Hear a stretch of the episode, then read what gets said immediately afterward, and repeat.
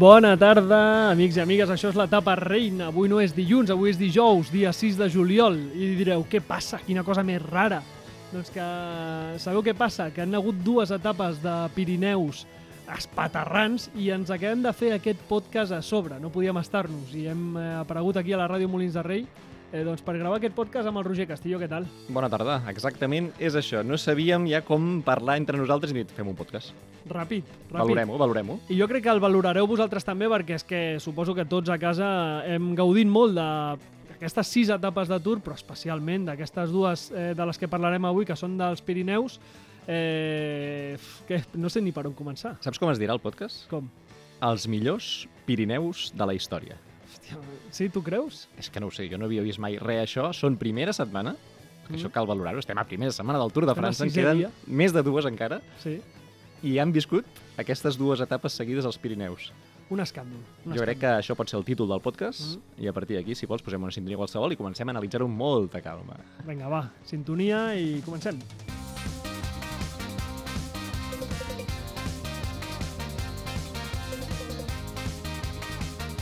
Veníem d'una primera etapa de mitja muntanya, segona etapa de mitja muntanya, realment espectaculars, al País Basc. Aquí, el dilluns, vam fer un podcast parlant d'allò, també amb una certa eufòria a sobre. Mhm. Dilluns i dimarts van ser uns dies de transició suau, pausada, d'aquells dies que no us aficionareu mai al ciclisme. no Típics passa de res. Tour, Típics de del Tour de principi França. de, de primera setmana el que estem més acostumats a veure, això, un tercer i un quart dia de Tour, Mm. i arriba el cinquè dia, etapa de muntanya, que els ports, nosaltres sí que dèiem, mira, el Mariblange és interessant. Sí, Era, era una etapa on estava bé. jo pensava, i vam dir-ho aquí al programa, que tàcticament es podia jugar. El que passa és que arribava tan aviat que es feia difícil pensar que jugaria tàcticament, però així va ser. I així va ser per dues bandes diferents, que això és per mi la gran sorpresa de la muntanya als Pirineus, que és que hi ha hagut un tercer convidat de luxe que com a mínim en aquest inici de Tour l'hem pogut veure. Mm. Després jo crec que ja fins aquí l'hem vist prou, però Jay Hindley, el moviment que fa per entrar a l'escapada del dia, al costat de noms com Chicone, al costat eh, de gent que dius en una primera etapa d'alta muntanya del Tour de França Daniel- us deixen escapar? Daniel Felipe Martínez. Daniel Felipe Martínez. N'hi havia, havia com sis o set que te'ls mira. Jack Hage, que és un senyor que ha fet un, un podi en una gran volta. És a dir, noms que a priori mai te'ls trobaràs en un escenari així, en un primer dia d'escapada en alta muntanya. Per què? Perquè la superioritat de Vingegaard i Pogacar respecte a la resta és tan alarmantment gran que tothom ho sap. Per tant, que això passa, mm, vaja, ningú, ningú s'esquinçarà les vestidures. És a dir, Un guanyador de Giro té permissivitat total. per anar-se'n en fuga com, Sí, sí, com sí. un don nadie. Sí, i al final sí que és cert que a darrere hi ha una certa tensió, aquest moviment estratègic del Bora, molt ben fet, perquè s'endú a Buchmann per davant també. És a dir, és un moviment d'equip a Conrad, el primer tros, que el fa ell, que el batalla i després ja es deixa caure. Tens uns elements molt interessants, va acompanyat d'un altre moviment simultani, que és el del Jumbo, amb Wout van Aert.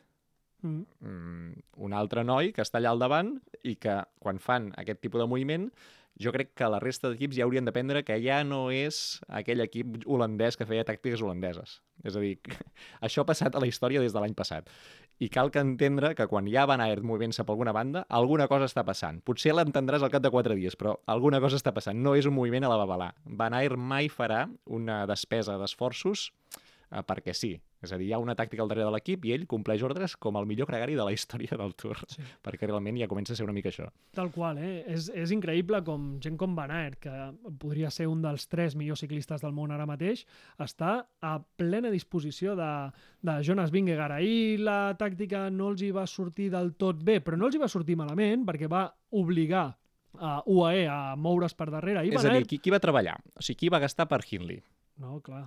Qui va pensar que gastar per Hindley era una opció sensata en un Tour de França en què el teu rival és un altre? Mm. Perquè al final sí que quan veus que 3 minuts, 4 minuts, dius, ep, ep, ep, que Hindley ha guanyat un giro, és a dir, és un, hi ha tot aquest nivell de gent que potser algun d'aquests té un turbó a les cames i encara no ho sabem, és a dir, que al Mm. final, evidentment que has de treballar. L'UAE es desgasta un a un, és a dir, veus les cares de Michael Bierg um, doncs ja a molts quilòmetres de meta i penses, ja no aguanta més, pobre nano, i de mica en mica la cosa es va desfent. I Jumbo què fa? Deixa fer, deixa fer, deixa fer, fins que al moment decideix canviar el ritme, posar el seu trenet a, a dojo, diguéssim, a la màxima potència, a màxima expressió, i de cop i volta la cursa és una altra. I tot això gràcies a la valentia dels corredors que estan lluitant per un tercer lloc a aquest Tour de França, que és que això, ja et dic, per mi és totalment inesperat i és la, el que celebro més d'aquest inici de Tour, que hi ha gent valenta en aquest Tour quan jo en cap cas els feia valents. I després anem a l'etapa d'avui ja, si et sembla. Per Bé, deixa'm després... comentar una cosa de Sí, l'anterior, Vale. que és aquest moment final, quan Van Aert no enganxa bé per entendre'ns, Sí.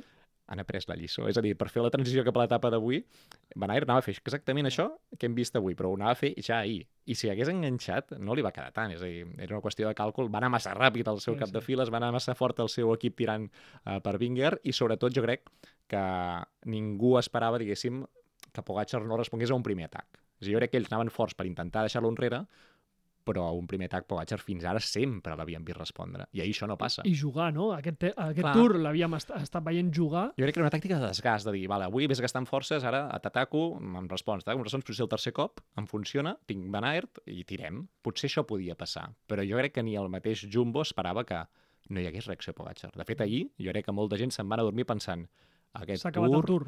aquest tour serà una minutada de Vingegaard que mm. déu-n'hi-do.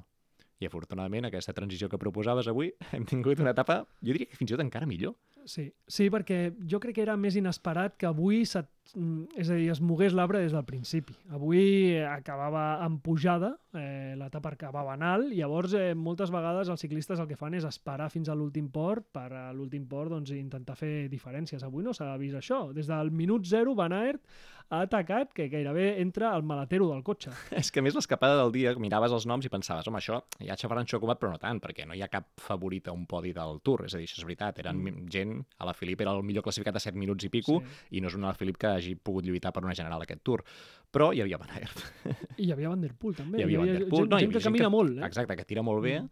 però no al nivell d'ahir. És a dir, no hi havia... No, el nivell de muntanya al general. nivell de muntanya d'ahir. Sí. I a més t'esperava un tourmalet, Mm. que uh, no sé si era des de dilluns o l'anterior programa parlàvem que el Tourmalet, el Tour de França, com a port de pas, doncs em sap greu, però ha estat un port molt desaprofitat en totes les edicions del Tour recent que recordem Mm. i que, per tant, tampoc et convidava a pensar que seria un port decisiu especialment en aquest Tour de França, tenint en compte on veníem ahir i de tot el que queda per endavant fins a arribar a París.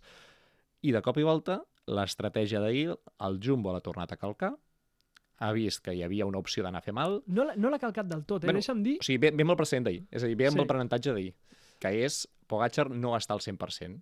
Per tant, tens l'obligació com a equip a intentar destrossar-lo. O sigui, jo crec que això és una cosa que el Jumbo tenia clara avui, de dir, si avui podem fer mal a Pogacar, s'ha d'aprofitar perquè no sabem si el diumenge ja s'haurà recuperat, ja estarà una mica més fi, el tindré millor, però clar, bé, en menys de 24 hores, per tant, ho has de provar. El, el que passa, l'únic que li ha fallat avui a, a Jumbo és que ahir a Pogacar el va asfixiar Kun, eh, Kus. Sí.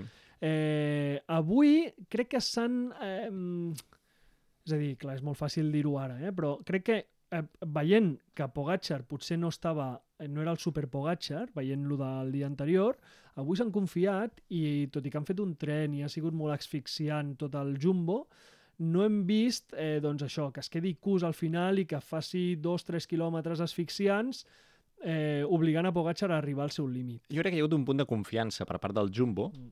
de pensar que si Vingegaard avui ho provava, el deixaria una altra vegada enrere. Enllaça I llavors, com abans ho provis, si tens a a Van Aert ben calculat el temps avui, que ho han fet Avui perfect, clavat. perfectíssim, que és aquelles coses que te les mires i penses, no ho clavaran, no ho cla- ho claven, però Sí. genial. Um, clar, els hi podia sortir una jugada històrica, o sigui, un moviment històric en aquest tour a Mm. nivell estratègic i perfecte. I jo, quan he vist que Pogacar sí que aguantava, he pensat, ara, si ets Vingegaard, baixes, tornes a atacar, o sigui, tornes a fer canvis de ritmes, però, clar, és que aquest és un robot, és a dir, o sigui, aquest té clar que per eh, bats que mou, mm, potser ningú el pot superar, i ho deu tenir estudiat, i llavors jo crec que es tira tot el que tiris amunt, i després tens Van Aert. Per tant, Pogacar ja perdrà algun moment la roda, i en cas que no la perdi, tens un segon port encara per, per seguir tibant la corda fins a, fins a límits insospitats. Ha estat una passada, jo crec. I el Jumbo jo crec que tenia aquest punt de confiança que Pogacar en algun moment cauria. Perquè, clar, venim d'on venim ahir. Mm. I és lògic pensar-ho. Dos coses a més a destacar. Avui no hi havia un tercer en discòrdia, és a dir, avui no teníem gent pel podi per allà. Hindley, evidentment, com a portador Mallorca, ho ha intentat un moment, mm, ha durat 200 metres, diguéssim, cap problema, Mhm. és al seu nivell i tothom, diguéssim, jo crec que ho entén així, ningú li retraurà mai això, al, al contrari. I l'altre és que l'UAE, com a equip, eh, va fer aigües ahir lleugerament perquè va aguantar tot el que va poder, però avui ha fet aigua sense motiu, diguéssim. És a dir, avui algú hauria d'haver pogut acompanyar una mica més a Pogacar, tenint en compte que no els hi havia tocat portar la batuta a ells. Ahir, Com a, com a mínim, pels que defensaven que l'UAE tenia un equip de muntanya molt fort, En que podia principi, envoltar Pogacar, que en- podia ser doncs, més escuders, no? No, no és veritat. No, No és en veritat. principi per noms ho semblava. Fins i tot a Sí. muntanya podia ser una mica superior a Jumbo, tot i que Jumbo, aquí vam dir ja que era el Sí, sí, millor aquí- equip aquí- de, de, de carrer del Això Tour. sí que ho, crec que ho vam veure bé, diguéssim, en aquest sentit. Sempre fem pronòstics, ja sabeu que ens equivoquem el 95% de vegades, però aquesta vegada sí que ens semblava que tenen gent tan fiable que ja has de confiar sempre més cap a aquesta banda. Però UAE jo crec que avui en un turmalet has de poder aguantar aquest ritme. Mm. Com a mínim un o dos dels teus corredors i no ha passat. Mm. Però Pogacar avui tenia unes cames diferents. Hòstia, quin escàndol, eh? Perquè semblava, les, les imatges que veiem per, la, per televisió, veiem coses de Pogacar que normalment no veiem. Eh, normalment veiem a Pogacar somrient a càmera o amb Avui la boca tancadeta. Avui no. Sí, avui és d'aquells S'anava corredors... tirant aigua per sobre, que és una cosa que tampoc veiem massa de Un Pogacar. corredor normal, o sigui, un corredor tensionat Sí. en cursa, Mm. cosa que ja et dic, que és el que dius, no, no estem acostumats, però normalment el, la resta de gent del pilot els veiem així en un dia Eh. de muntanya, i més quan s'estan jugant un dia important, que saps que pots perdre el Tour avui. O sigui, avui realment, tal com era el moment de Jumbo, podia haver perdut el Tour a Tadej Pogacar avui. I al final Guantasso, a dos I espectacular. quilòmetres i pico de meta, l'ha pillat, pillat amb, amb calces. Jo crec que també mirant, mirant bats i mirant, diu, hòstia, aquest no està movent el que s'esperava i li, i li És a dir, tot el sobre, ritme del tros de pla i pujada de Port de Cotrets, uns 10 quilòmetres, Mm. que ha fet Van Aert, No? Sí. Va, bueno, ara després parlem de Van Aert, perquè això És és, un que altre, és- és un altre tema, aquest. sí. Aquest és un altre... Això sí que és un, un ciclista estratosfèric de- d'una altra galàxia, perquè és És que increïble. imagina't, perdona, eh? però és que imagina't que, que, ara. que, que, que, que Vingegaard li agafa 10-15 metres a Pogacar a dalt del, del Tourmalet i Van Aert amb la moto Bueno, és que la jugada era aquesta. bueno, La jugada era aquesta. Per això dic que Pogacar, que quan ha arribat al... Bueno, ha arribat a, amb el límit, jo crec que el Mm. Tourmalet, o sigui, ho ha passat molt malament allà. Mm. I al veure que estava allà i el descens encara el seguia pressionant Vingegaard, perquè jo crec que necessitava això, o sigui, deixar-lo un pèl enrere, Sí. que Van Aert l'acabés de llançar, i amb el pla, clar, eh, per molt bon rodó que sigui Pogacar, si tens davant a Van Aert un Van colossal, que ja et saps que tindrà aquesta versió, és un tio que t'està tirant tota l'etapa, eh, Van tota l'etapa. És a dir, primer en escapada. De- Només per mantenir la distància per poder calcular el moment de Tourmalet, perquè era el seu objectiu. És que és increïble. Clar, és que està tirant de gent que ni coneix. No, i que li és igual. És a dir, els altres de vegades hi havia però ell seguia el seu ritme, el seu ritme, sí. i sempre, clar, al final s'acaba quedant al davant sempre ell. Um, ha, estat, ha estat un escàndol. És que I no després, aguantar tot aquest tros de la baixada del Tourmalet al Pla i el Coterets, tota la pujada que ha fet, no l'han retallat, eh, per darrere. Mm. O sigui, l'han retallat potser 10 segons en tota...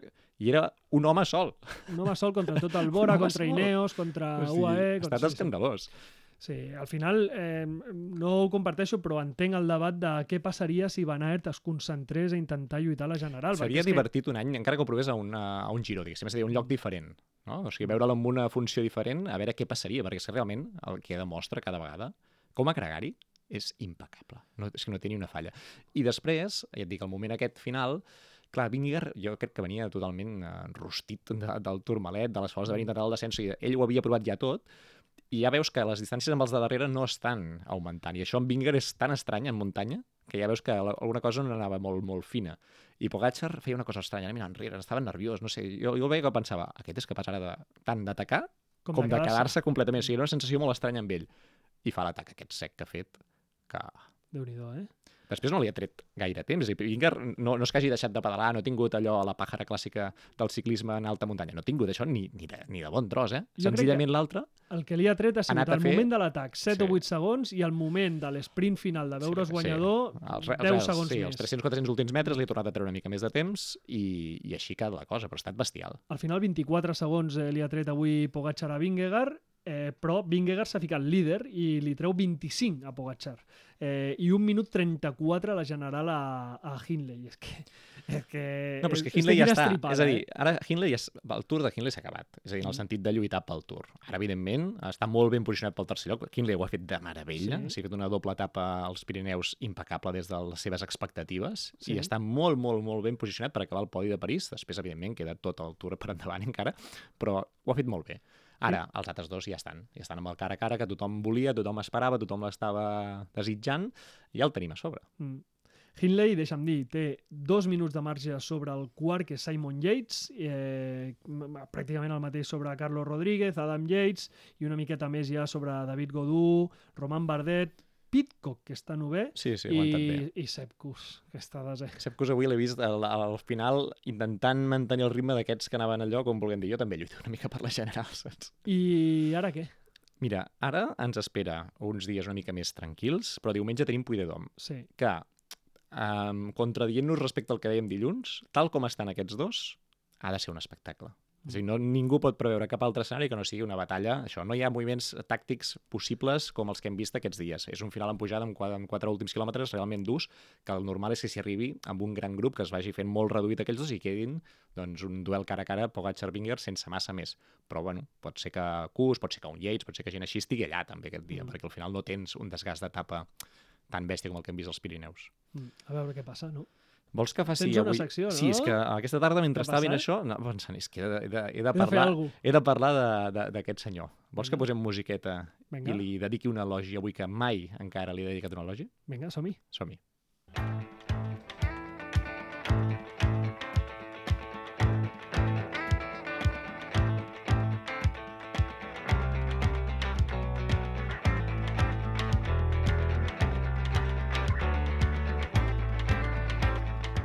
Jonas Vingegaard. Oh, go. El 10 de desembre de 1996 vas néixer per ser el gran dominador del ciclisme de la teva era.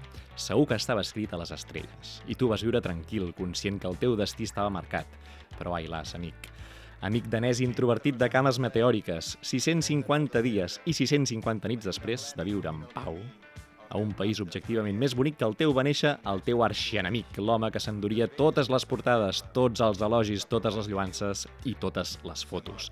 Et va passar la mà per la cara des de petit, de tal manera que semblava que potser no podries remuntar mai el vol. Però tu tenies aquella veueta interior que et deia que series més gran que el més gran dels més grans de tots els temps. Ole. Quan fa 5 anys Pogacar guanyava el Tour de l'Avenir, tu t'ho miraves amb una mirada lleugerament irònica des de la 67a posició de la general d'aquell mateix Tour de l'Avenir. El 2020, quan l'eslovè va destrossar el cor de Roglic en aquella cronoescalada supersònica a la planxa de Belfils, tu et preparaves per acabar la Vuelta en 46è lloc. Collons. Perquè les presses, Jonas, són males conselleres, i tu això ho saps. El teu moment encara havia d'arribar. El 2021 hi havia qui pensava que el teu segon lloc al Tour de França, a més de 5 minuts de Pogacar a la General, era pura casualitat. Però dalt del podi als Camps Elisis, tu, en aquell moment, ja vas prémer el botó. El botó del compte enrere.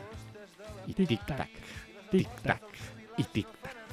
I vas deixar que Pogacar s'ho passés bomba i seguís sent protagonista a totes les portades fins a arribar al següent Tour de França. I el vas rematar.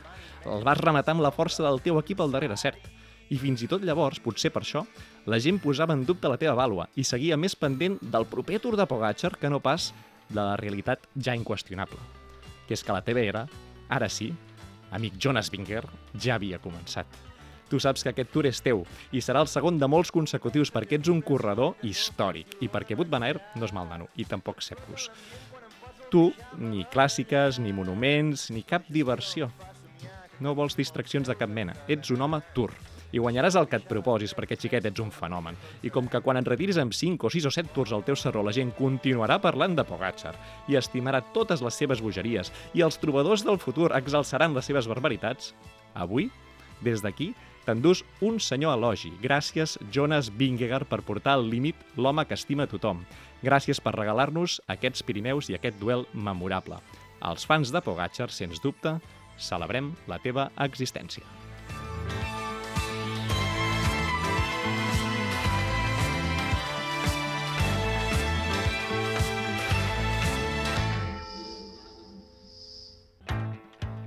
Doncs visca Jonas Vingegaard, visca els peixaters i les peixateres. Ara, ara, ara. Eh? Que, com re- recordeu, eh? Jonas Vingegaard, eh, fins fa poc era peixater el tio, ja I no està imatges guanyant molt maques. Tours de, Tours de França, sí, sí. Eh, M'ha agradat molt aquest elogi perquè tothom, És tots els focus estan posats en Pogacar, és el, és, És el, és el inevitable. És simpàtic, és, el és carismàtic, És impossible no estimar Pogacar per com corre. però clar, és que Vingegaard aquest any està demostrant ser més Pogacar que Pogacar. Tu imagina't Pogacar aquest Tour de França sense Vingegaard com a rival. Seria un És que seria cunyàs. tan avorrit. Mm. Seria potser el pitjor Tour de la història. Sí, És que estaríem parlant d'això. sí, sí. I aquest serà, nois, el millor Tour de la història, perquè ho estan demostrant. Mai un sisè dia de competició havien viscut quatre etapes sensacionals, dos d'elles històriques. Mm. Mm. Són les dos dels Pirineus. Els Pirineus, eh? els ports dels Pirineus. Estem parlant d'això que cada vegada que arriben pensem Bé, no passarà massa cosa, no? què hi farem, no? I arribaran els Alps. Sí, sí, sí. Eh, mira, saps què m'agrada molt? Jo fa molts anys, eh, amb un amic, eh, jugàvem a endevinar què passaria a les properes etapes. I aquest any ho estem fent des de l'etapa reina. T'està agradant, això? Hòstia, m'ho estic passant bé. Fas sí, vídeos? Jo, jo crec que tothom, no?, ens ho estem passant Ah, bé. espero que sí, Mm. espero que sí. Eh, cada dia doncs, juguem, agafem el DeLorean, ens anem al futur, veiem l'etapa i expliquem què, què passarà el dia següent. Avui també ho hem fet. Eh, I saps el que és molt guai? Que fa anys era molt més fàcil, o em donava a mi la sensació que era molt més fàcil predir què passaria a l'etapa següent i aquest any no n'estem clavant masses perquè és molt difícil predir aquest espectacle. Sort que tenim sprints. Sí, sort que de tant en quant tenim sprints, com per exemple, en, eh, suposem que demà.